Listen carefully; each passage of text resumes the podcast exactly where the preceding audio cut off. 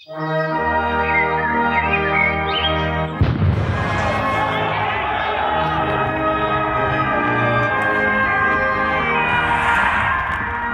ikke få lov til at tage andre menneskers frihed. Nu er en del af løsningen.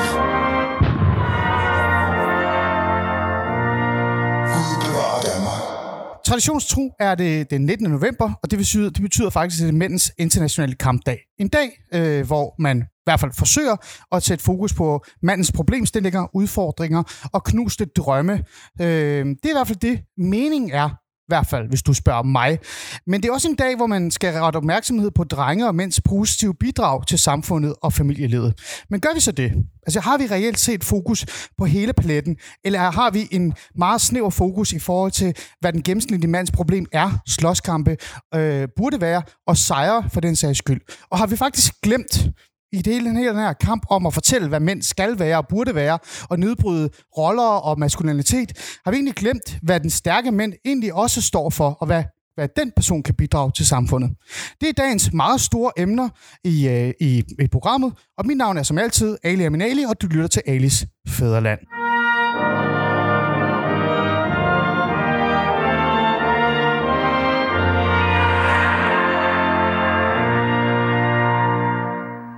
Sebastian Lyngård, velkommen til. Hey, tak skal du have, Ali. Tak fordi du vil være med. Tak, fordi jeg Øh, være her. Dem, der kan høre det her i, i hvad hedder det, ja, deres øh, høretelefoner, hvor det er, de end er, kan jo høre, at der er sådan en mærkelig øh, rumklang herinde. Og det er jo fordi, vi står på, altså vi står i et museum, Køn Museet i Aarhus, og jeg har dig i studiet til en en-til-en om mandens roller og, og maskulinitet osv. Men lad os lige få noget på plads, øh, Sebastian. Sebastian er jo dit borgerlige navn, Ja. men du er også kendt under navnet Herlige Svend. Ja, Og udover det er du også forfatter til bogen Mandsforræder. og den er god. Og den er god. Øh, bogen kommer vi sådan lidt tilbage til senere, men lad os lige starte med det der med herlig Svend. Altså, hvad, hvad, hvad er hun er det for noget? Ja, det er fandme et godt spørgsmål. Øhm, det har min mor øh, spurgt mig om mange gange. Øh, efterhånden er det lykkedes mig at øh, forklare hende øh, det på en god måde, synes jeg. Altså, øh, men må jeg starte et andet sted? Ja, du går bare til den. Jeg vil godt lige understrege, øh, jeg er glad for at være her. Der er ufattelig mange mennesker i det her rum. Og det, der er vigtigt for mig lige at sige, det er, at øh, den her skjorte, den var strøget, da jeg tog hjemmefra. Oprigtigt vigtigt, og den var også strøget bagpå. Øh, jeg har siddet i tog, og det øh, har gjort det lidt svært. Blandt andet har jeg spillet tun ud over den ene side herinde under. Er det din mor, der snakker lige nu, eller?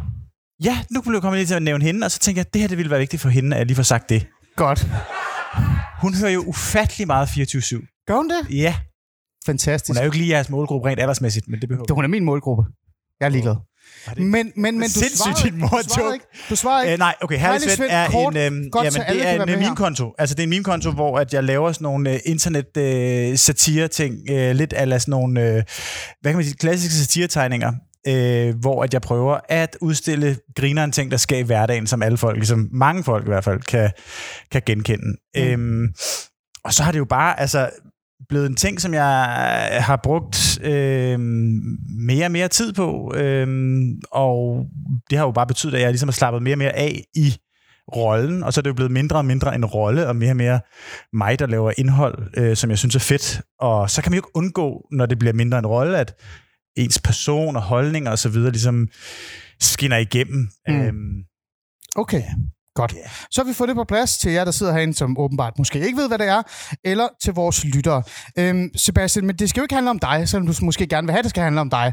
Øh, eller din øh, meme-konto, eller hvad du kalder det. Øh, sådan ungdomligt. Øh, det skal faktisk handle om mænd og øh, rollerne og maskulinitet osv. Men jeg vil gerne lige starte med mandens dag. ja, Øh, og hvad skal vi kalde det? Hvorfor kalder folk det nogle forskellige ting hele tiden? Det er mig, der har ret. Oh, nu skal du lytte efter. Åh.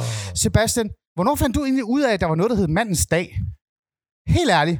Hånd på hjertet. Øh, ah, men det har jeg gjort i et stykke tid, fordi det er jo en... Jamen, det hvornår er et stykke tid? Ja, men det ved jeg sgu ikke rigtigt, men det har jo været en klassisk sådan, meme-trope, det der med, at der altid er på kvindernes internationale kampdag, og der er altid nogle mænd, der siger, øh, hvorfor har, skal I have en dag, og vi har ikke en skid, og så står der bare sådan et klip af kalenderen og sådan noget, at, at det var den 19. november. Men jeg har ikke, det har ikke, jeg vil vente om at sige, det har ikke betydet noget for mig, og det gør det sådan set stadig ikke. Altså, Nej. den her dag betyder ikke skid for mig. Okay, hvorfor gør den ikke det? Jamen, fordi hvem, hvem, har, hvem, hvem skulle have fået den til at betyde noget for mig? Altså, der er jo ikke nogen, der har løftet den her dag rigtigt endnu. Nej. Der er jo ikke, det, jeg, i, I min oplevelse, i min optik, er der jo ikke nogen, der har gjort den ligesom relevant for mig. Mm. Interessant.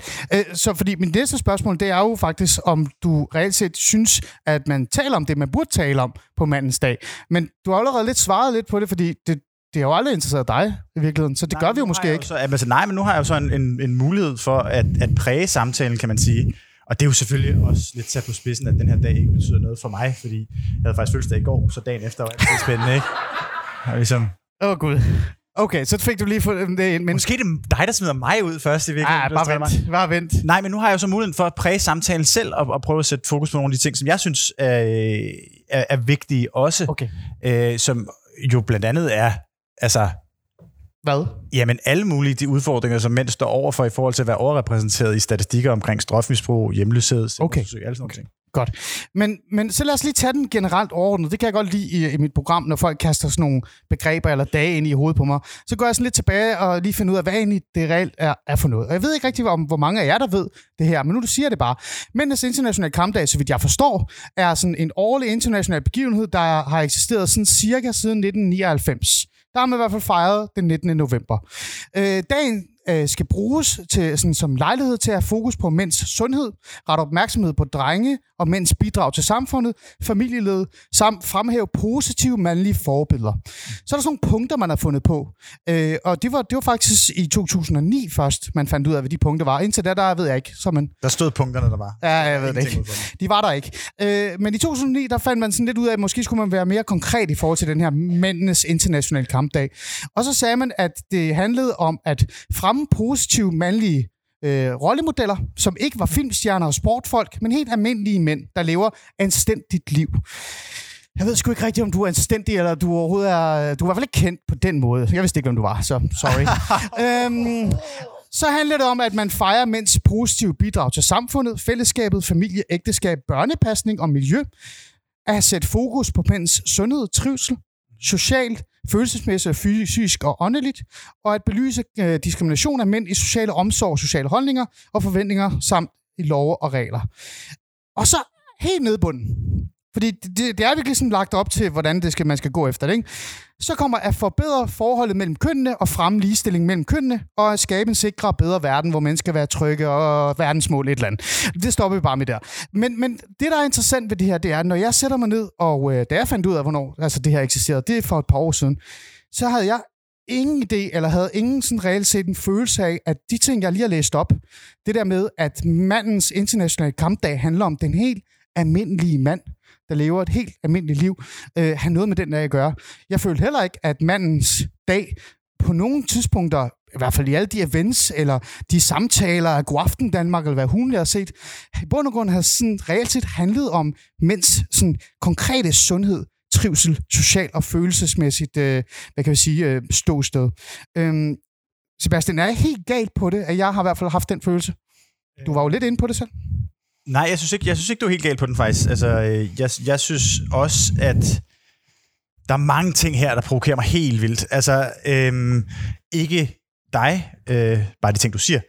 Dejligt. Øh, nej, men det er rigtigt, at vi på en eller anden måde har en tendens til at gøre den her samtale, den er svær, men vi har en tendens til at gøre den sådan overdrevet intellektualiseret. Altså det bliver sådan, det, det bliver meget, meget abstrakt, og jeg tror, det handler om mange ting. Øh, men for det første kan jeg sige, at det handler om, at vi er, hvis man skal snakke, nu bliver det lidt binært, men hvis man skal snakke om det, at vi har ligesom to ret forskellige udgangspunkter for samtalen, mænd og kvinder for eksempel. Altså, hvis den her samtale øh, har været præget af, af kvinder før i tiden, så har den været præget af det ud fra et... Øh, ud fra et standpunkt, som er langt længere fremme, end, end, end vi er, synes jeg. Hmm. Så derfor så, så sker der nogle misforståelser i, øh, i kommunikationen kønnene imellem på den her dag. Hmm. Men når det så er sagt, så synes jeg jo også, at det giver mening at lave den der liste, ikke fordi den nødvendigvis er prioriteret rækkefølge, men fordi tingene rent faktisk, synes jeg, hænger sammen. Altså fordi, at når vi snakker meget abstrakt om det her med forventninger til køn, eller det, som andre kalder patriarkatet, at, at, at så har det en indflydelse direkte på mænds sundhed, for eksempel. Så det er lidt høn eller ægget for mig egentlig. Altså, Mm. for mig bliver samtalen, når den bliver konkret, bare lidt mere interessant. Og når det bliver sådan det her meget sådan noget øh, Københavns Universitet Amager, jeg ved ikke, om man kalder det herover, men når det bliver meget sådan noget, som er svært ligesom at forholde sig til, og meget sådan noget med, hvem der kan komme på det længste ord inden for fem minutter, altså så bliver det lidt uinteressant. Hmm. Og så bliver, så bliver fokus på dagen mere på min selvfremstilling og ordbogskunden, end det bliver på de problemer, der skal løses. Jeg har været lidt frækkere end dig, men jeg er jo enig med dig. Øh, og jeg tror ikke, vi er de eneste mænd, der faktisk er, er, er sådan enige i den her, øh, hvad kan vi sige, tilgang til mandens dag, øh, som mås- måske også på en eller anden måde gør, at vi måske, nu siger jeg det lidt hårdt, synes, den er ligegyldig. Den er irrelevant. Vi falder fra. Vi har ikke lyst til at deltage i den, og vi har heller ikke lyst til at høre om den. Det er fordi, at... Øh, og nu gør jeg det meget vinklet, men det er sådan, at jeg jo, det er, at jeg synes jo, at mandens dag på en eller anden måde er blevet hijacket af dagsordner om vores pikke, Øh, altså, hvordan er vores pikke? Kan vi det finde ud af så den? Og det hvad er niveauet omkring det? Og, Ja. og med al respekt, køn, det var det, I startede med i morges. Det var reelt set også fokus på pik. Øh, og til sådan noget omkring, hvilken grad af feminisme vi burde have. Hvorfor græder vi ikke nok? Og, og så videre, og så videre. Jamen, jeg kan godt forstå, hvad du siger. Jeg kan godt forstå, hvad du siger. Og jeg siger jo ikke, at det er forkert. Jeg siger ikke, at vi ikke skal alle sammen sætte os ned og alle sammen i rundkreds og snakke om vores pikke. Altså, min er omskåret, og så kan vi snakke om, om din. Hvad hvad er. Det er fint nok. Ej, og hvor, jeg- jeg, jeg har sådan sagt. Åh, jeg ved det godt. øh, og jeg siger jo heller ikke, at vi ikke skal tale om feminismen og den måde, vi måske kan blive bedre til at græde på. Men ideen og tanken om, at det alt skal gå, foregå på sådan en enten intellektuel måde, eller, nu siger det, øh, på kvindernes præmisser i forhold til, hvad vi burde tale om, har gjort, at mandens dag for mig er blevet ligegyldig. Men det er ikke kvindernes skyld. Altså, det er jo Det siger jeg heller ikke. Det siger jeg heller ikke. Det siger jeg ikke. Jeg siger bare, at det er det, det er blevet til. Ja, men det vil jeg give dig ret i. Det bliver, det bliver på en eller anden måde os, der prøver at mime en samtale, som vi tror, den skal foregå. Ja. Og det gør sgu lidt til en joke. Altså, det må jeg skulle sige nogle gange. Det, det, Men der er noget her, Sebastian, jeg gerne vil tale med dig om, og det er der, vi kommer ind til det der med, at vi også skal snakke om den, den stærke mand. Og igen, I er jo velkommen til at deltage i samtalen. Jeg åbner op lige om lidt, så I kan være med her. Øhm, men, men der er også noget vigtigt at sige her, fordi øh, jeg har jo skrevet sådan en klumme, som kommer ud i BT her lige om lidt, og så får jeg masser af skæld ud af rigtig mange feminismer, feminister. Men, og i virkeligheden så, så kritiserer jeg dem ikke. Jeg er enig med dem. Jeg kalder mig selv borgerlig feminist, og det har jeg fået virkelig meget skæld ud fra for det borgerlige øh, Danmark. Men det, der er med det, det er, at de overtager en samtale, måske, og nu kommer jeg erkendelsen fra min side, måske eller faktisk, fordi vi er pisse dårlige til det selv. Vi mænd er vanvittigt dårlige til det. Vi har kæmpe store problemer. Øh, du sagde det selv. Selvmord, øh, masser af forskellige depressionsgrader, jeg ved ikke hvad. Hele den der forsørgergen, det der med at reelt set have en ønske eller brænde ønske om at være forsørger. Alle de her ting lægger jo pres på os og andre andre. Men de er så store problemer, at vi ikke engang selv kan tage vores problemer seriøse. Og så kommer kvinderne eller andre, som den her, jeg kalder dem, ret mig gerne, naturvin-segmentet, og overtager samtalen og reelt set gerne vil sådan forsvare os. Drikker du øvrigt jeg øh, naturvin? elsker naturvin. Ja, men jeg vidste det. I love Jeg så, shit. jeg, så det på din, øh, jeg så det på din hue, da du kom ind. Jeg tænkte, det er kun naturvin, jeg skal da gøre sådan noget. København, om det er. Ah, Fuck det er skønt. Men Sebastian, hvis du lige ser bort fra, at jeg hader naturvin, og jeg synes, man kan drikke normal vin, øhm, øh, har jeg ret i det der med, at det også er selvforskyldt? Vi er jo også selv pisse dårlige til det. Jeg, jeg tror, jeg vil sige... Ja, altså det synes jeg jo er rigtigt. Altså jeg synes jo ofte, at der er den der med, at, at vi ligesom prøver at skyde skylden på af andre, for at vi ikke har en stemme i debatten, i stedet for at sige, hvad vi mener og fortælle om, hvem vi er. Hmm. Altså man kan sige, jeg er jo ret late bloomer, når det kommer til de her ting. Meget af det, som har gjort, at, at, at jeg er trådt ind i den her samtale, har at gøre med, at jeg lige pludselig kunne se og blev eksponeret for øh, en kæmpestor samtale, der foregik i min indbakke. Altså jeg havde ligesom, gik fra 0 følgere til 10.000 følgere overnight nærmest på grund af corona. Øh, og kunne, fik jo så en masse beskeder, hvor jeg sådan tænkte, okay, øh, den besked er kommer fra en mand, den vil aldrig komme fra, øh, fra en kvinde. Så der var en masse ting der. Så da jeg ligesom gik ind i den debat og begyndte at tænke sådan, okay, hvorfor fuck er vi ikke... Det, vi, jeg troede, vi var enige om de her ting. Ja. Kunne man, så kunne jeg ligesom kigge rundt og se, okay, hvilke, hvilke roller er der for mig som øh, feminist øh, at tage som mand? Og i mine øjne, så er der ligesom, der er ligesom tre styks, hvor den, den, den første ligesom er, at, at, at man, øh, man, man, går i, altså man er aktiv modstander af feminismen, man stiller sig op og er helt sådan øh, incel-agtig, ikke? og siger bare sådan, det der, det gider jeg bare fucking ikke have. Der skal ikke være rettigheder til kvinder og bla bla, bla alt det der. Vi kender øh, parolen. En anden, det er jo dem, der, der, der, der sådan siger, jo jo, fedt mand, feminism. Mm. Hashtag feminism in my bio on Twitter, man. Yeah. I kører bare kvinder, ikke? Hvor er det fedt. Helt klart med på jeres vogn. Og så er der den sidste, som bare er sådan manden, der bare sådan har givet op og siger, men så fortæl mig, hvordan jeg skal være. Ja. Så form mig i dit billede, kvinde, så skal jeg nok være den, du ønsker. men, men, men, men lad mig lige fortælle, lad mig lige fortælle, fordi hvad er fællesnævneren så for de tre roller? Jamen fællesnævneren er jo, at manden ikke skal gøre noget. Vi er helt passive. Vi kan bare læne os tilbage. Enten så kan vi læne os tilbage og sige, jeg skal ikke deltage i den her samtale, for jeg tror ikke på den. Eller vi kan læne os tilbage, og så kan vi sige, øh, det er kvinden, der skal fortælle mig og give mig de her blueprints for, hvordan jeg skal udvikle mig. Eller så er det manden, der læner sig tilbage og siger, kvinderne må kæmpe deres kamp selv. Ja. Det er dem, der har. Det er dem, der har den, ikke? ja. Synes du, de her tre er gode? Er, de, altså, er, der, er der en af dem, der er bedre end den anden, eller er, er der nogen af dem, du abonnerer ind, ind i? Jeg synes jo, den midterste, altså, jeg synes, den der øh, vedkommende, der skriver hashtag feminism i sin Ah. Twitter-bio, synes jeg er det værste i verden. Fordi Ja. ofte, nej, men det er derfor, jeg siger jo, altså, jeg har sagt et par gange, altså, hvis der er noget, jeg har fået hug for, så er det jo så at sige, at jeg ikke rigtig tror på øh, mænd, der kalder sig feminister. Mm. Øhm, slet ikke, når de kalder sig borgerlige feminister. Ej, Nej, skal nej, nej, joke, at- joke, joke, joke, joke, joke, joke, joke, joke, joke. Jeg skal nok forklare Læg dig, den hvorfor. høtyve væk, den er jeg skal, nok, jeg skal nok forklare dig, hvorfor. Jeg klipper nej, det bare men- ud bagefter. Ja, bare roligt. Grund, det, er jo ikke, det er jo ikke dem, altså det er jo ikke den, den mand, der kalder sig feminist, der er udfordringen. Det er, jo, det er jo mig, den er jeg godt med på. Jeg siger bare, at det er ret billigt købt, ikke? Mm. Det er ret sådan, det er ret sådan billige point. Og, og, og, hele tiden med den der grundtanke af, okay, jeg behøver ikke gøre noget. Og hvis, specielt hvis man siger jo som feminist, eller kalder sig feminist, og siger, jeg kan godt se en fidus i det her. Mm. Hold kæft, hvor er det smart med en mere lige verden. Og man så ikke gør noget, det synes jeg er utilgiveligt. Lad mig lige forklare, hvorfor jeg kalder mig selv for borgerlig feminist. Fordi jeg fandt ud af, at ved at sætte de to ord sammen, så nedsmelter det borgerlige Danmark øh, og reelt set højrefløjen. Fordi at hvis der er noget, højrefløjen ikke har gjort, øh, det er også at deltage i den her samtale. De gemmer sig også bag nogle, nogle barriere. Og så havde jeg bare sådan en eller anden behov for at sætte, sætte lidt dem i gang. For jeg er lidt træt af, at venstrefløjen øh, skal sådan et eller andet sted eje den her dagsorden om, hvordan øh, altså, reelt set ligestilling skal være, og hvordan mænd skal håndtere deres, øh, deres liv, men også hvordan kvinder kommer frem øh, i livet. Jeg var sådan lidt virkelig træt af det, så jeg tænkte, nu gør jeg det her, og der har været nedsmeltning siden i det borgerlige Danmark. Men de lytter jo faktisk i virkeligheden til mig. Og, og det er jo det, der er interessant ved det. Men, men det, jeg synes, der er, der er vigtigt at lige sige her i forhold til de der tre, for du har fuldstændig ret. Og det startede med, at jeg spurgte dig, eller jeg sagde, der er en erkendelse her fra min side, at, at vi mænd, som er gennemsnit mænd, som i virkeligheden den her dag handler om, øh, med al respekt, øh, vi deltager jo ikke i det her. Og det gør vi ikke på grund af øh, nogle problemstillinger.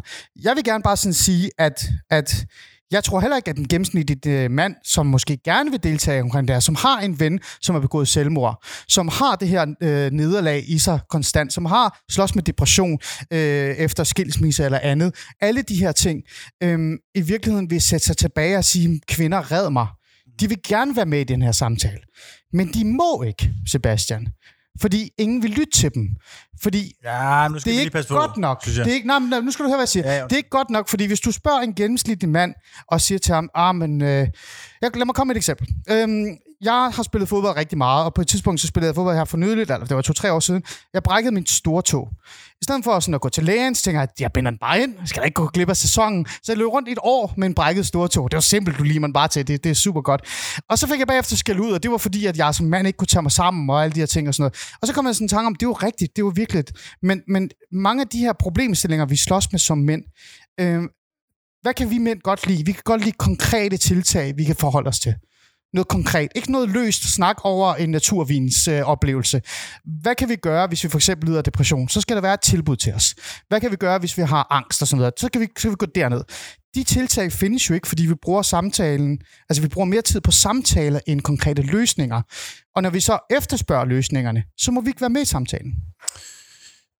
Ja, men jeg ved sgu ikke, om jeg er enig med dig i, at vi ikke må være med i samtalen, Ali, men jeg kan godt, altså, jeg kan godt forstå, hvorfor man ville føle, hvis man kom op på det her museum i dag, og måske ikke følte sig helt som en del af samtalen i hvert fald, og måske ikke ville rigtig ville gå ind over det der dørtrin, som er derovre. Det kunne godt føles lidt øh, højere, men jeg synes, vi skal passe på med på den front lige at gøre så meget til ofre egentlig. Men hmm, altså det som, det, som jeg tror gør, at folk måske, eller mænd, den, som, som mænd er flest, sjældent nogle gange ikke føler sig så velkommen i den her samtale, er fordi samtalen kommer også hurtigt til at handle om privilegier.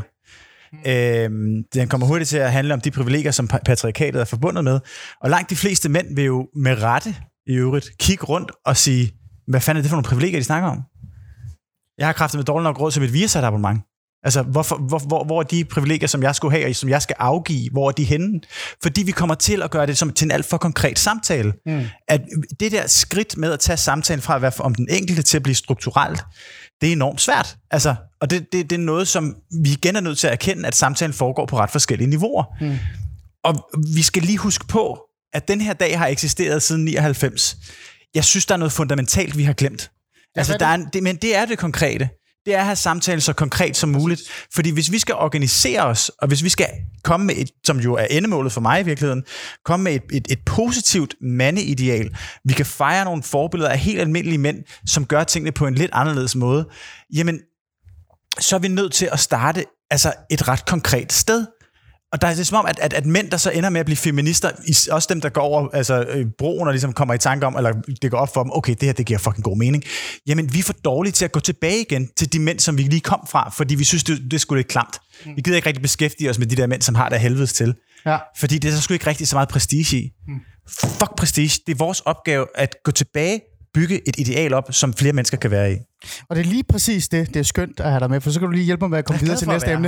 Øh, og det er lige præcis det, vi skal tale om her øh, om lidt. Men før vi går videre, så vil jeg bare lige, øh, sådan, lige lægge op til par spørgsmål. Lad os lige tage, øh, for vi vil gerne gøre det mere konkret lige om lidt i programmet. Jeg vil faktisk gerne tale om det her med den stærke mand og snakken om maskulinitet og det der med at være øh, alle de der begreber, som jeg nærmest bliver øh, jeg har fået ondt i hovedet over, måske fordi jeg ikke drikker nok ved naturvin. Jeg vil gerne have jer til også at lige være med i den her øh, samtale. Er der, har I nogle spørgsmål, eller har I nogle refleksioner, eller mener I, at vi decideret bare siger noget vrøvl, når vi siger, at indtil videre, så har mandens dag jo hvert fald været meget begrænset i forhold til, hvad der bliver talt om. Vi kan i hvert fald tage udgangspunkt i vores egne oplevelser, kan man sige. Ikke? Jo, jo, men min oplevelse er vigtig. ikke? Hold nu. Ja. Øh, Øhm, ja, øh, jeg hedder Lærke. Øhm, det er fordi, jeg kommer tit til at tænke på, når jeg sidder og hører de her debatter, eller læser om dem, at der er også er meget stor forskel på sådan store byer og, og land.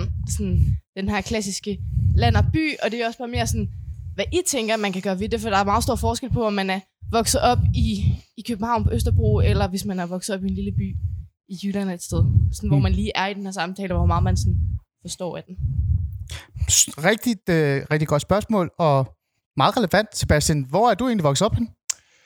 Øh, jeg er vokset op i Gammelholte, hedder det. Det ligger... Øh, Gammelholte. Gammelholte. Det, Det er lyder, jo øh, gamle penge. Det er det ikke. Nej, ah, det er gamle Ah, sommerhuse til gengæld. okay. Øh, 20 km nord for København. Ja. øh, mellem Holte og Vedbæk. Øh, og så vil jeg da godt have lov til at sige, at vi havde der et, øh, et postnummer, der hed 2840, vores hus er større. Ja. Ja, det er jo tæt på. Sebastian, jeg er faktisk øh, måske endda værre, end du er. Jeg er vokset op i Nordsjælland. Jeg er vokset op i nærheden af Hornbæk-området. Åh, fader. Ja, ja, det er jo Strandvejen. Ja, ja, ja, ja, så det er jo øh, nærmest værre. Men, men du har jo øh, du har en point her i forhold til, at der er noget land og by. Øhm, Sebastian, øh, er det sandt, det der med øh, måske sproget også? Øh, og, og, ved at reelt set, øh, der er forskel på sprog og uddannelsesniveau, og, og lad mig nu sige det, øh, adgang til fondsmidler, så man kan lave projekter og events og talks, øh, så bliver samtalen måske fordrejet, og så forsvinder den fra den almindelige øh, mand, som måske ikke kan følge med. Ja, men det gør den da. Altså, det gør den da helt klart. Altså, vi har, der, er der, en, der er der en kæmpe udfordring med at, at brede samtalen øh, ud. Øh, men det, der er min pointe, og som jeg hele tiden har sagt, det er jo, at, at, at det ansvar ligger hos os. Altså, det, det er os, der skal bære den samtale med videre i vores handlinger, vores måde at være på osv. Jeg bilder mig heller ikke ind, at den bog, jeg har skrevet, er, er noget, som kommer særlig langt uden for Aarhus eller København øh, i virkeligheden, vel? Altså, Nej. måske Odense på en god dag. Hmm. Øhm, men, men pointen er jo netop med den bog, at jeg godt kunne tænke mig, at det kæmpe altså jeg ved ikke, om det er et flertal, men der er i hvert fald rigtig mange mænd, som har været tavse alt for længe, mm. og som ikke rigtig har gjort noget, fordi de hele tiden har tænkt, jamen det er kvinderne, der har den her, ikke? Ja. Men vi har sgu også noget af den. Ja, og det kommer vi lige tilbage på øh, til, hedder det så. Øh, hvis jeg lige skulle svare på det spørgsmål, du stiller, jeg, jeg, jeg giver dig jo faktisk ret der med, at der er forskel, især på øh, uddannelsesniveau eventuelt, og også viden omkring øh, ja, øh, området, og, og især adgang til fondsmidler. Der er ikke mange, der har lige så meget adgang til de fondsmidler, som, som Julia har, øh, når de bor i Langeland, tænker jeg. Øh, der, det er måske lidt øh, frækt sagt. Men jeg har også talt med rigtig mange røde, eller arbejdere, og de bor alle steder. Okay, der er ikke så mange arbejdere i København mere, fordi de har ikke råd til at bo der. Men manden, der gør ren, eller rydder op, eller brulægger vores veje, eller de her sådan arbejderfolket, som også er primært af mænd. Øh, I må gerne komme med en statistik, der viser, at der er flere kvinder, der har lagt vores veje, hvis det er. De, de bor også i storbyerne. Øh, men på grund af deres uddannelse, så kan de heller ikke sådan rigtig følge med. Jeg har ikke lyst til at følge med. Så jeg tror, det handler mere om uddannelsesniveau og klasse, og gud, jeg sagde klasse som borgerlig, end det handler om altså, Øh, du ved, sådan et decideret sådan en land- og by ting. Og det tror jeg også, det er det, Inger Støjberg har fundet ud af. Det har vi andre bare ikke fundet ud af. Øhm, lad os gå hen til din bog så. Fordi det er jo faktisk det, jeg gerne vil tage udgangspunkt i, i vores øh, andet emne i, i dag. For nu har vi sådan talt generelt om, om samtalen omkring mænd, og hvad, hvad mandens dag overhovedet står for. Sebastian, du har jo skrevet den her bog, der hedder Mandsforræder. Fed titel, ikke? Ja, og jeg, den forvirrede mig også. Gør den? Ja, det gjorde den. Nå. Fordi hvis jeg lige googler det og lige læs- læser beskrivelsen af det, så står der, i mandsforræder forråder Sebastian Lyngård en generationslang tavshedsplejerpagt mellem mænd. Med udgangspunkt i sig selv kigger han tilbage på de følelser, der allerede er opstået i unge drenge. Mindre værd, skam, vrede og ensomhed. Øh, hvad er det på godt og ondt, der er forenet mænd, og hvad hvis man begynder at snakke sammen? Og hvordan gør det? Hvordan det egentlig? Øhm, ja, det, vi prøver at se. Jeg kan ikke dansk. Det- men, det- men, men det, du, det, du et eller andet sted lægger op til her, det er, at du et eller andet sted har været, du er en forræder, fordi du er begyndt at tale om nogle svære ting. Øhm, Sebastian, hvordan hulen er du forræder? Jamen, det er faktisk et pissegodt spørgsmål. Øhm, fordi det har jeg også stillet rigtig mange gange. Det, det, der sker, og her nu kommer der et tip til dem, der har lyst til at engagere sig i den offentlige samtale. Er I klar? Åh, Gud. Ja. Mansplaining. Man kan... Jeg, jeg, jeg hjælper dig bare. Jeg hjælper dig. Jeg prøver bare at hjælpe dig. Lige nu tipper vi over til, det er mig, der ender med at kaste dig ud af vinduet, men nu må vi se. Tak. Jeg skal nok være stille. Øhm, det er skide smart øh, lige i den offentlige samtale at gøre opmærksom på, at man er mand. Så får man nogle helt andre tilbagemeldinger. Det er meget nemmere at være i den, skulle jeg helt sige. Øhm, man kan sige for mig, handlede det meget om, at inden øh, min, altså min Instagram-konto startede som et anonymt projekt, øh, hvor jeg blev kaldt øh, virkelig mange ting, som jeg aldrig har oplevet at blive kaldt før, på en måde, som jeg aldrig har oplevet det før. Øh, da jeg så stod frem og sagde, øh, here I am, øh, jeg er skaldet af mand og kridhvid, så skiftede de der øh, beskeder fuldstændig karakter. Altså for det første blev de meget sjældnere, altså dem, der var ubehagelige. Men dem, der var ubehagelige, det handlede alle sammen om, at jeg på en eller anden måde forrådte mit køn. Hmm. Øhm, og det, har, det gjorde bare, at lige siden, at jeg begyndte at skrive bogen, og, og, og, og eller det var overhovedet, det gik lang tid før, det ligesom overhovedet var en bog, det var bare tanker i virkeligheden, øh, så har det hele tiden handlet om, og, og, og, ligesom, hvad det vil sige at forråde sit køn. køn. Hvad betyder det? det? For mig var det enormt spacey, fordi jeg synes bare, at jeg fortalte om mine egne oplevelser, og min egen, mit eget syn på tingene, og jeg, jeg, jeg kunne ikke rigtig fornemme, at der egentlig var et køn at forråde, fordi jeg synes, det kollektive mandekøn har været så svagt. Ja. Så for mig, så synes jeg egentlig heller ikke, at det jeg gør, det er at forråde mit køn. Altså som der står på bagsiden, så kan man måske sige, at jeg forråder stillheden, øh, og forråder øh, omklædningsrummet osv. Ja. Øhm, men for mig er det største forræderi, det er jo dem, som den bog er en opsang til, og det er jo altså dem, som godt ved, at der er noget at gøre, men som ikke gør noget. Hmm. Dem, som godt ved, at der er en spændende og svær samtale at tage, men som ikke tager den. Dem, der godt ved, at de burde sige noget, at de burde ødelægge den gode stemning, men ikke gør det. For det har taget rigtig, rigtig lang tid, hvor vi bare har lænet os tilbage i gyngestolen og tænkt, vi ved egentlig godt, hvad der er rigtigt, og det gør nok, at vi er på den rigtige side af tingene. Nej, gør det faktisk ikke. Nødt til at være aktiv. Det giver god mening, øh, og du har ret. Øh, men jeg ser dig jo ikke som en forræder. Og det gør jeg jo ikke... For, nej, men du skal du høre. Nu skal du. Det er jo ikke fordi, at jeg ikke ser dig som sådan en person, der taler om øh, de problemstillinger, men slås med ensomhed, øh, mindreværdskomplekser, skam, vrede, øh, frustration. For den sags skyld også, det så ved jeg ikke rigtigt, om du også har sat gået ind i øh, depression, øh, angst, øh, forsørgerproblematikker, selvmordstanker osv. osv. osv. Øh, og, og reelt set også det der med, at vi måske er nok dem, der er allermest er bange for at gå i byen øh, i sidste ende, fordi vi, som regel altid bliver slået ned øh, også. Øh, men det er jo ikke... Det er jo ikke Nej, undskyld. Undskyld. øh, er jeg nogensinde blevet snødet af en kvinde? Ej, måske er jeg blevet skubbet en gang, men det var en, en meget stor kvinde. Hun var håndboldspiller. Nå, lad os gå videre. Hvad hedder det? øhm, Det jeg prøver at sige, det er, der er jo ikke noget nyt i det her. For mig er du ikke en forræder. For mig, hvis jeg skal være lidt fræk, så er du måske en af de, de samme typer, som tager et emne, som vi mænd altid har talt om. Vi har bare talt om det i lukket rum, i i, øh, hvad hedder det, i fodboldklubben, eller og så videre, og så videre. Dem tager du bare, og så smider ud i det offentlige, og på en eller anden måde sælger ideen om, at vi aldrig gør det. Hvad synes du om den refleksion, der dukker op i sådan en som mig, omkring det? Altså, jeg vil sige for det første, at jeg prøver at være øh, så nuanceret som muligt. Altså, så jeg vil sige, det jeg prøver at sætte fokus på, er, at vi meget sjældent gør det. Fordi der er selvfølgelig eksempler på, at... Øh, hvad er det her egentlig?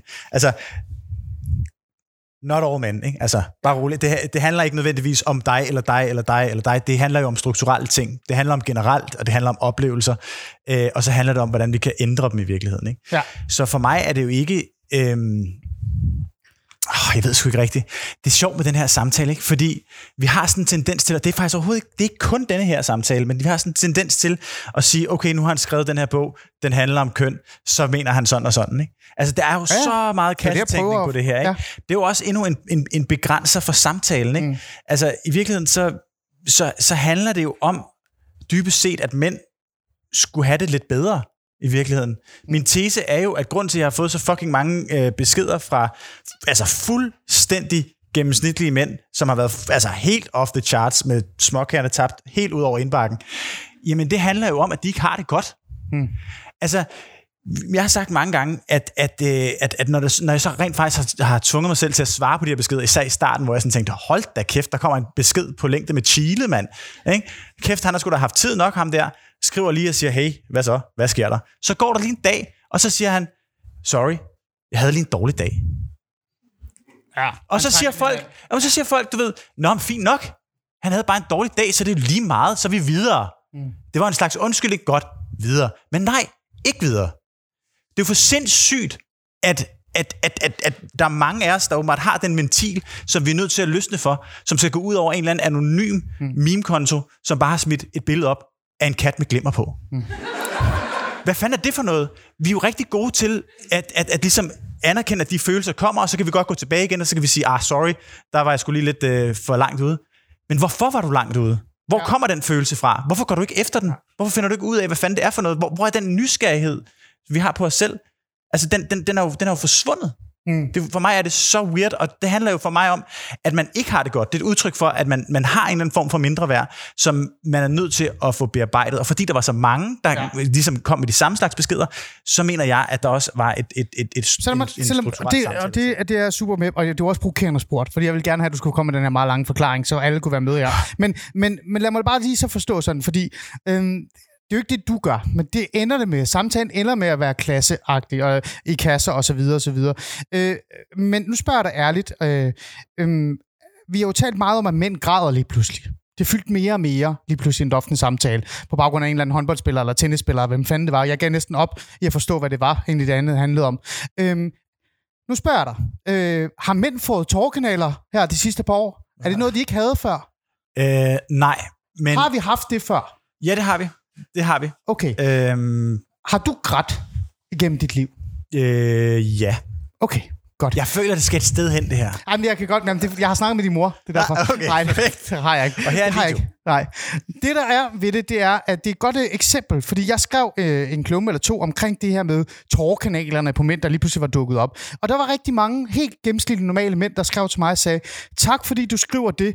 Vi er virkelig, virkelig fucking trætte, og brugt ordet fucking trætte af, at lige pludselig, eller det altid skal være sådan ekstremt. Altså det der med, at vi skal hylde, at mænd skal være mere følsomme og græde dagligt nu, fordi de lige pludselig har fået det. Og det er jo det, der reelt set er problemet, Sebastian. Jeg siger ikke, det er det, du gør i din bog, men er problemet, at den gennemsnitlige øh, samtale omkring, hvordan mænd reelt set faktisk er, og de problemer, de slås med, den forsvinder, fordi den bliver altid gjort til noget ekstremt, som nærmest er det der med, åh oh, gud, nu skal vi alle sammen hylde, hver gang en mand græder. Øhm, og jeg vil rigtig gerne vide, hvor mange af jer kvinder, der sidder hen, der godt kunne lide at være sammen med en mand, der græder dagligt derhjemme. Så vil jeg, vide, jeg ved ikke, hvor lang tid det vil være i det forhold. Nej, men det er faktisk et interessant, det er faktisk et interessant spørgsmål, fordi jeg tror også, at det vil være ret overvældende for mange kvinder i det hele taget at opleve en, en mand græde, fordi det er noget, man ikke er vant til. Altså fordi, at vi er meget vant til at se det her meget sådan rigide og meget sådan snævre følelsesmæssige interval for mænd, som, ren, som, som, som regel spænder over vrede og træthed. Det skal bare se altså, fodbold, så er det masser af Jamen, det er jo det. Nej, men, men prøv at høre her. Det, det, bliver, det bliver lidt en, en, en, en forsimplet måde at tage det på, synes jeg, fordi i virkeligheden, øh, jeg kan godt forstå, at i avisoverskrifter og alle sådan nogle ting, så handler det om følsomhed. Men det er faktisk ikke det, det handler om. Det handler om gavmildhed. Det handler om rent faktisk at vise, hvem man er, åbne sin hjerne, fortælle, hvad foregår der, hvad er vores mellemregninger, hvad vil vi gerne have, I er en del af på vejen frem mod, vi finder et svar, og vi vokser en lille bitte smule. Et godt eksempel er jo Tobias Rahim. Nu har Tobias Rahim, han har udgivet en, øh, en, en, en digtsamling. Jeg er jo kæmpe stor fan af manden, og øh, jeg har blandt andet hans, øh, hvad hedder det, nogle af hans øh, sange skrevet ind i bogen og sådan nogle ting. Øhm, men han er ikke et ikon, fordi han er følsom. Han er blevet rost meget for den her digtsamling nu, fordi at, at, at nu viser han endnu en gang sin, sin følsomhed. Det kan Og godt være, at han gør det, penis. men det, ja, præcis, ikke? Ja. Men det er ikke det, der er det interessante ved ham. Det, som er det interessante ved Tobias Rahim, det er, at han bevidst fortæller om, at han er et menneske, der har flere strenge at spille på inde i sig selv. Ret simpelt fortalt, så synes jeg jo, at, at, at meget af det, som har gjort mig, øh, gjort min opvækst fra dreng til mand sværere, end den burde være, er fordi, jeg har fået at vide, at jeg kun har de her to strenge inde i mig selv at spille på. Ikke? Pigerne, de har mange flere. Altså, de har mange flere følelsesmæssige udfordringer også. Ikke? De har også mange flere følelsesmæssige evner, men jeg har kun de her to strenge. Pigerne har fem. Okay, sygt nok. Hvad sker der så, når der er tre andre strenge, som jeg ikke har fået at vide, jeg har, der bliver bragt i svingninger inde i mig selv? Holy shit, så er jeg jo sgu da ikke normal, mand. Så har du alt for mange strenge inde i mig selv. Alle de her følelser, hvor fanden kommer de fra?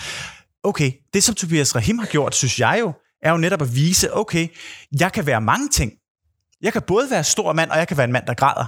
Det er jo det, der er det interessante ved ham. Det er jo, at han er mangefacetteret. Men, men, men Følsomhed bliver, det bliver for flad en diskussion, Ja. fordi at, at det handler jo ikke om, at mænd skal være noget. Det handler om, at vi skal være meget mere, Ja. og vi skal vise, at vi er meget mere. og, det, og det er jo lige præcis det, man må ikke klappe endnu. Og det, ej, I må gerne klappe, hvis I gerne vil give ham en klap. Kom med den.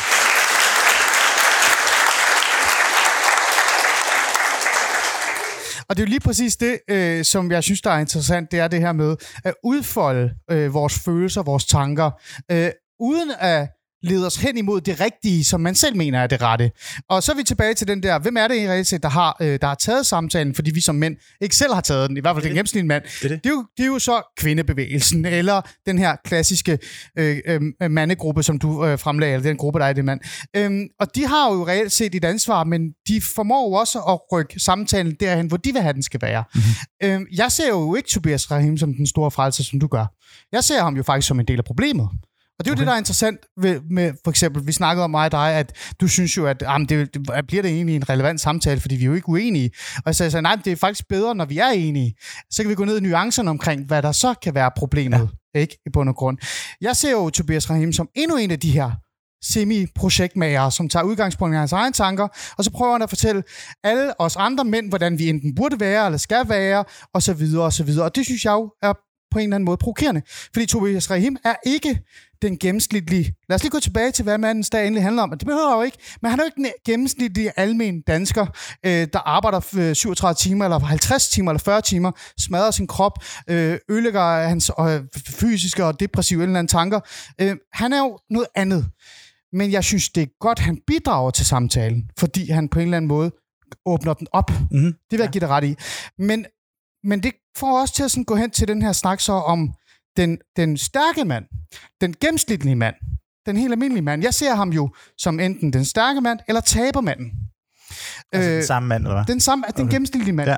Fordi det, det, vi, jeg synes, vi burde tale om, og nu går vi hen til slutprogrammet, som jeg også gerne vil have, I skal øh, øh, indholde i, det er, jeg vil jo faktisk gerne have, at mandens internationale kampdag, eller det gør jeg fra nu af, fra dags dato, det er også det, min klumme har fået overskriften på i BT her, det er, den hedder øh, Tabermandens dag. Fordi det, jeg gerne vil have, at vi skal have mere fokus på, det er, jeg vil gerne have, at vi skal snakke om de mænd, som slås med kæmpe store problemer. Øh, fordi jeg synes, de bliver glemt. Øh, dem, som har været igennem skilsmisse og er nødt til at gå til en eller anden øh, særlig tilbud, som de ikke kan få, fordi kommunen ikke vil betale dem, fordi alle pengene er blevet projek- brugt til et projekt om pikke et eller andet sted, og Tobias Rahim kommer forbi og får 200.000 for at spille en halv time. Ikke? Øh, de mænd der, hvordan kan vi, tror du, måske meget dig, men også andre, hvordan kan vi sådan sørge for at huske de her mænd, som er virkelig, virkelig svære steder, som ikke har et sted at gå hen. Og de lytter ikke til Tobias Rahim. Det kan jeg garantere dig for, at de ikke gør. Nej, nej, nej, nej, men jeg, jeg tror heller ikke, jeg synes, at, at, at Tobias Rahim på den måde gør så meget for, for dem direkte, og der er jo også nuancer i, hvor godt man, man kan gøre det. Jeg synes jo bare, at det, der er interessant, det er, at han ikke lader sig putte ned i en kasse. Øhm, I forhold til tabermand, det synes jeg er et ærgerligt begreb jo, men jeg vil godt Jeg komme dig godt, i møde. Men, ja, men det er det jo, men, men, Men det er den bedste måde at godt sætte fokus på det.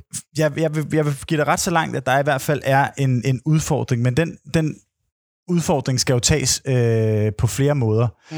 Øhm, det er jo, når jeg siger, at vi har bygget den her dag op på et ret vakkelvognt fundament, så er det jo lige præcis fordi, at der er en masse ting i vores egen baghave, vi ikke helt har styr på. Ikke? Og det er jo netop øh, de her hvad hedder det, strukturelle udfordringer, som man virkelig ser i øh, de fleste øh, og sundhedsmæssige statistikker og sådan nogle ting, og, og, og velbefindende og sådan noget. Øhm, så har vi så en samtale, hvor som de her mænd føler sig afkoblet fra. Ja. Det er, ikke bare, det er jo ikke bare en udfordring, det er sgu også farligt, altså. Fordi jeg tror jo på, at, at det er vigtigt, at så mange af os som muligt kan se en rolle for sig selv i det her samfund. Og jeg kan godt forstå, faktisk, hvis mange mænd føler, at, at, at meget den her samtale ikke inkluderer dem. For det er, jo stadig, det, er jo, det er jo svært at have en samtale om maskulinitet, uden at den så samtidig er giftig. Ikke? Vi kan jo nærmest ikke få lov til at snakke om den. Ja, Ja. ja. vi kan ikke få lov til at snakke om, om hvad den gode og, og byggelige maskulinitet er sådan nogle ting. Det kunne være, at, at man på en eller anden måde skulle have mere fokus på den positive del af maskuliniteten på den her dag, for eksempel. Fordi der er virkelig en, øh, der er virkelig en samtale at starte. Og for mig er det vigtigt, at så mange mænd som muligt kan se sig både den samtale og i et, et, et samfund, som er mere lige, fordi der vil være en fidus i det, også for os. Hmm. Jeg tror også, der er en fidus for det for kvinderne. Altså for eksempel, jeg har mit Det- det- program øh, sat fokus på øh, kvindedrab. Og jeg har med vilje brugt ordet kvindedrab, fordi det handler jo ikke kun om kvindedrab, øh, Sebastian. Det handler også om vold i nære relationer, kriminalitet over for kvinder osv. osv. Der er mange ting i det her. Psykisk vold også, øh, for den sags skyld. Det satte jeg jo fokus på, og vi fik jo det igennem nærmest mig, Radikal Venstre, SF og Enhedslisten med sådan en beslutningsforslag. Og jeg siger mig, fordi jeg vil gerne tage æren for det. Men det var faktisk mig, der satte dem ind i et rum og, og svinede dem til i hvad, fem episoder, før de gik sammen og gjorde noget. Ikke? Øhm, men det, der så skete samtidig, det var, at folk ville så, øh, altså især øh, den kvindebevægelsen og kvinderne, de ville kun have fokus på kvinderne i de her beslutningsforslag. Og jeg prøvede at sige, men prøv at, lad os lige huske, der er en sag i Malling, hvor en mand havde faktisk allerede slået hans tidligere kone ihjel. Øh, han endte med at slå hans nye kone ihjel, fordi han ikke kunne få hjælp. Han var begyndt at få sorte tanker, depressionstanker og, og tanker om selvmord osv. osv. Og han forsøgte at få hjælp af læge, egen læge, psykiatrien. Han blev afvist, fordi han skulle tage sig sammen. Eller der var ikke lidt tilbud til ham. Og så endte det med, at det blev et kvindedrab. Øh, så har jeg ret i nogle gange ved at glemme de her simple tabermænd og løsninger omkring dem og tale med dem og finde ud af, hvad de forstår, at det også går ud over både samfundet, men også kvinder og generel ligestilling. Jeg synes i hvert fald, at det er en, det er en god idé på alle udfordringer, at man har det hele blik for det. Det, som jeg ikke, det, som jeg ikke kan lide, og det handler ikke om, om det her, jeg kender heller ikke den der sag, øhm, men det, som jeg ikke kan lide, det er, at, at det bliver nogle gange lidt som det er på kvindernes internationale kampdag, hvor at, at, at Oh, jeg, det, bliver, det bliver interessant. Jamen, hvor at jeg altid får at vide, hvorfor fanden er der ikke en, en dag for os og alt det der, ikke? Altså, pointen er jo også, at, at vi er rigtig gode til at pege fingre, og vi er rigtig gode til at råbe op, og, og, og, og, og øh, jeg skal komme efter dig. Vi er sgu ikke særlig gode til at arbejde. Vi er faktisk ikke særlig gode til rent faktisk at gøre noget ved det så. Fordi hvis skyld er det så, når jeg står og siger, jeg er bekymret for, at der ikke er en rolle til mænd. Jeg er bekymret for, at den rolle, der er til mænd, er meget, meget nem. Og det er en Andrew Tate-agtig rolle, som er så nem at indtage, og som er bare har det hele skrevet på formel, så den der falder vi ned i, så snart vi stiller spørgsmålstegn ved vores køn, jamen så har der en løsning herover. Hvorfor er det, at jeg er bekymret for det? Jamen det er fordi, så gentager historien sig jo. Ikke? Men hvem er det, der har, har sovet i timen? Mm. Hvem er det, der ikke har skabt den rolle, der skulle være? Hvem er det, der ikke har udvidet den kasse, som er blevet alt for snæver? Jamen det er jo os. Der er jo ikke andre, der kan gøre det. Nej. Det er jo vores opgave. Og der synes jeg jo, der synes jeg jo, at det ofte bliver sådan, så bliver det jo en samtale igen om samtalen, ikke? hvor man ligesom siger, okay, ej, det, er også, det er også for dårligt. Hvad tænker de der fucking feminister på? Men Lav jeres eget lort, mand. Så Men kom måske, nu. måske, Sebastian, måske skulle vi to og mange andre og Kvindemuseet og alle dem, der måske sidder herinde, overveje, i stedet for at kritisere maskulinitet, kritisere øh, det her med at være en stærk mand, øh, eller i hvert fald kræve flere nuancer i det, kræve, at der, øh, mænd skal stå og græde øh, foran deres øh, koner og, og offentligt, måske være lidt mere nuanceret i vores beskrivelse af den her almen manderolle, øh, som som i virkeligheden bare er mange af os. Måske skulle du også lade være Jeg med at synes sgu ikke, der er nogen, der kræver, vi lad mig- græder. Det synes jeg sgu ikke, der er. Lad mig nu færdig. Ja. Måske skulle du også lade være med at sige, at, at hvis vi ikke gør noget, så ender vi alle sammen ligesom Andrew Tate. Fordi jeg tror ikke, der er mange danske mænd, der vågner op og tænker præcis som han gør. Sagen er bare, at man har en idé om, at vi nok er ligesom ham. Øh, og hvis vi ikke er det, øh, så skal der gøres noget ved os, så, kan vi, så vi alle sammen kan nærmest gå med nejlak. Så den der gennemsnit, den der men det er jo det der, vi skal jo alle sammen kunne gå med neglelak. Det er jo pointen er jo netop at udvide mulighedsrummet. muligheden for det. Ja, det er, jo netop, det, er jo, det er jo netop det der er pointen, men det skal jo ikke ligge på overfladen heller, vel? Det skal jo også være, altså det følelsesmæssige, ikke? Det, det, det, skal, det skal jo med. Der er jo ikke nogen, der siger, at, at nu skal du stille dig op og græde. Det er det, det, som vi gerne vil bede om. Ja, det håber jeg ikke. Og det synes også, det ville være ubehageligt, hvis der var nogen, der ligesom krævede det. Når det så er sagt, så ja, jeg forstår godt diskursen i forhold til, at man godt kan føle, at okay, det er det her mandideal, vi gerne vil have. Ikke? Men sagen er jo, at det er også det her mandideal, vi gerne vil have. Ikke? Mm. Altså, der, der, der er jo mange forskellige ting. Det, som jeg siger, er bare, at vi kan godt hurtigt blive den der, der sidder med armen over kors i gyngestolen og siger, nå, nu vil de have, at vi skal være sådan der. Så vis os, hvordan I er. Mm. Så prøv at åbne op. Åbn jeres fucking hjerner. Fortæl om jeres tvivl, i stedet for jeres fucking skråsikre holdninger. Jeg bliver fucking sindssyg. Jeg, jeg, jeg, er jo prøvet, jeg er jo enig med dig, og du reelt set beskriver en holdning, som mig og mange andre mænd også har. Men nu skal vi også være konkrete, ikke? Vi skal være løsningsorienterede, for det er også mandligt. Det er meget mand. Øh, fem minutter får jeg at vide. Jeg lytter ikke til, hvad hun siger, for det er mandedag, og det er en kvinde. Ah. Øh, Ja, ja, det går mere. Øhm, øh, her til afslutningsvis, så skal det være konkrete. Vi har talt meget om det her med, hvad mandens dag i virkeligheden er. Vi har talt om, hvad vi så kunne gøre, og hvordan skal vi inddrage den helt almindelige danske mand, øh, og også maskulinitet og, og den stærke mand. Øhm, konkret, øh, Sebastian, jeg får jo lyst til at sige, det det måske handler om, det er at mig og dig bare skal gå sammen og søge en masse fondsmidler, som andre herinde måske har fået, tage det ud af deres hænder, og så begynde at have en, en gennemsnitlig, reel, normal dialog, og, og ligesom vi har haft her. Er det det, der er vejen frem, eller kræver det noget vildere og større? Altså vejen frem er fandme, at der er flere øh, mænd, der, der melder sig på banen og siger, hvad de vil have i stedet for at sige, hvad de ikke vil have. og Det er også for nemt at sige. Nej, det synes jeg sgu ikke, det er, fordi du siger selv, vi skal jo have, vi skal jo have Alex Van Opslag til at stå herop. Ja, vi, det skal jo, vi, skal jo, vi skal jo have de her mænd, vi skal have Lasse Remmer til at stå herop. Vi skal have de her mænd til at snakke om, hvad det er, vi gerne vil være alle sammen, sammen hver for sig. Mm. Altså, fordi det går, vi, vi bliver i alt for høj grad bliver vi beskrevet. Altså i alt for høj grad. Mm. Og det er, ikke, det er ikke andres skyld heller. Det er fordi, ja. vi holder kæft. Kræver det så ikke også, at de mennesker, som deltager normalt i de her samtaler, faciliterer omtale, samtalerne, sætter sig ned og faktisk prædiker det, de selv taler så meget om, og være en lille smule mere divers og mangfoldig? Der er Fordi fald, normalt, når jeg foreslår for eksempel, at vi skal have Alex Vandopslag med i en samtale, eller Henrik Dahl, eller man faktisk nogle gange, bare nogle gange, skal høre, hvad Jordan Peterson siger. Det er ikke, fordi man kan bruge det hele, men det kan være, at han siger et eller andet, man godt måske kan reflektere det over. Så går folk jo bandanas og nærmest øh, ikke har lyst. Skal man være mere mangfoldig og divers så? Altså, der er mange ting at sige til det her. Nu gør jeg det kort, men, men nu har jeg været med i et, det eneste gang, jeg har været med i et program, eller noget som helst, som var, øh, som var sådan øh, lille, eller meget sådan, hvor vi var i hver vores lejr øh, som jeg jo ikke nødvendigvis mener, vi er, men det er fordi, at man har skrevet en bog om det her, så er det bare sådan, der så væk med ham, ikke? Så der, der tog vedkommende, som jeg så skulle være i en form for debat med, tog jo sit headset af, og nægtede at svare, og nægtede at snakke med mig. Ikke? Hvilket er super weird. Altså, hvad er det for en måde at have en samtale på? Sagen er bare, at, at, at det er vores øh, det er vores ansvar at tage den samtale. Det går ikke, at vi bare sætter os med armen over kors. Og der vil jeg godt have lov til at, at lave en distinktion, der hedder, øh, på den front har kvinder gjort rigeligt. De har gjort meget og arbejdet meget hårdt for at kunne komme op og have sådan rent semantisk en samtale, som nu består af nogle meget indforståede ord og nogle referencer, fordi at de har haft de samme oplevelser. Mændene skal gøre det samme.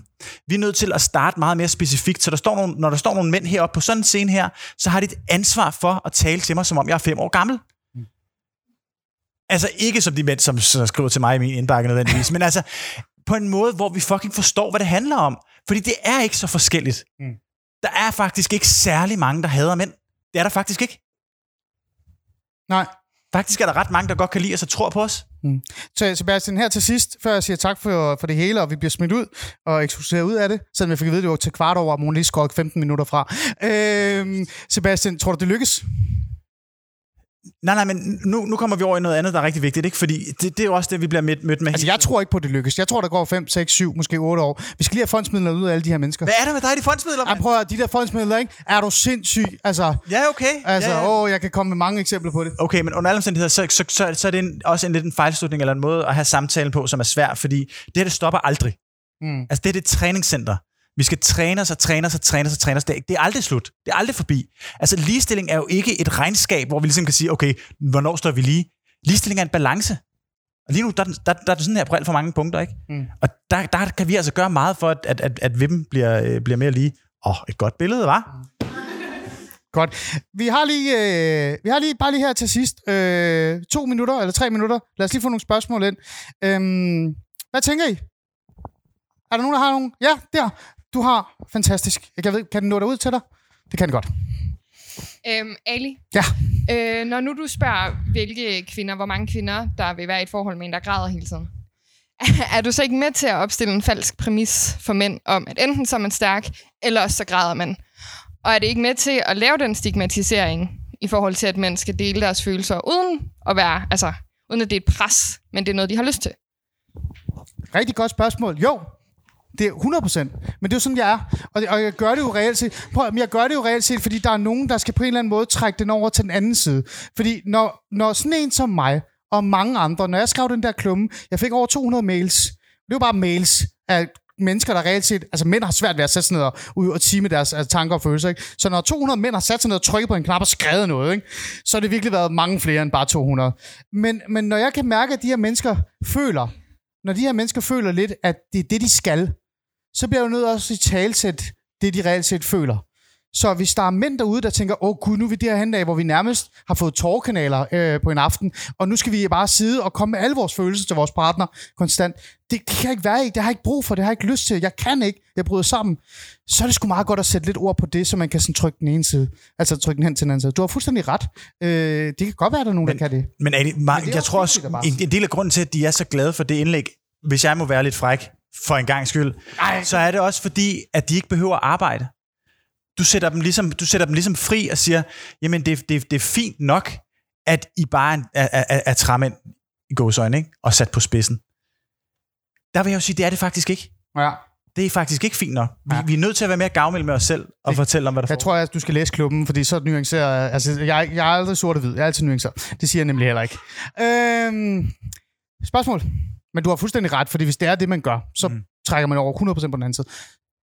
Nej, øh, der, der er jo mange underliggende præmisser i den her diskussion, og det er heller ikke sikkert, at jeg køber alle. Men, men en ting, jeg synes, I har virkelig fat i, er det der med, hvordan bliver det her en diskussion, der ja, både tages uden for Aarhus og København, øh, men, men også tages, ja, du nævnte klasse, øh, og som en, der går på universitetet i Aarhus, øh, og gud er mand, øh, så kender jeg jo godt det der til med, at på Filosofisk Fredagsbar, der kan man sige én ting, men til familiefester rundt omkring i Jylland, der er, er diskussionen en helt anden. Og jeg kan i hvert fald godt se det der med, at jeg kan veksle mellem at have lyst til at give et ordentligt spark bag i og sige, "Ah, t- t- tag dig nu sammen.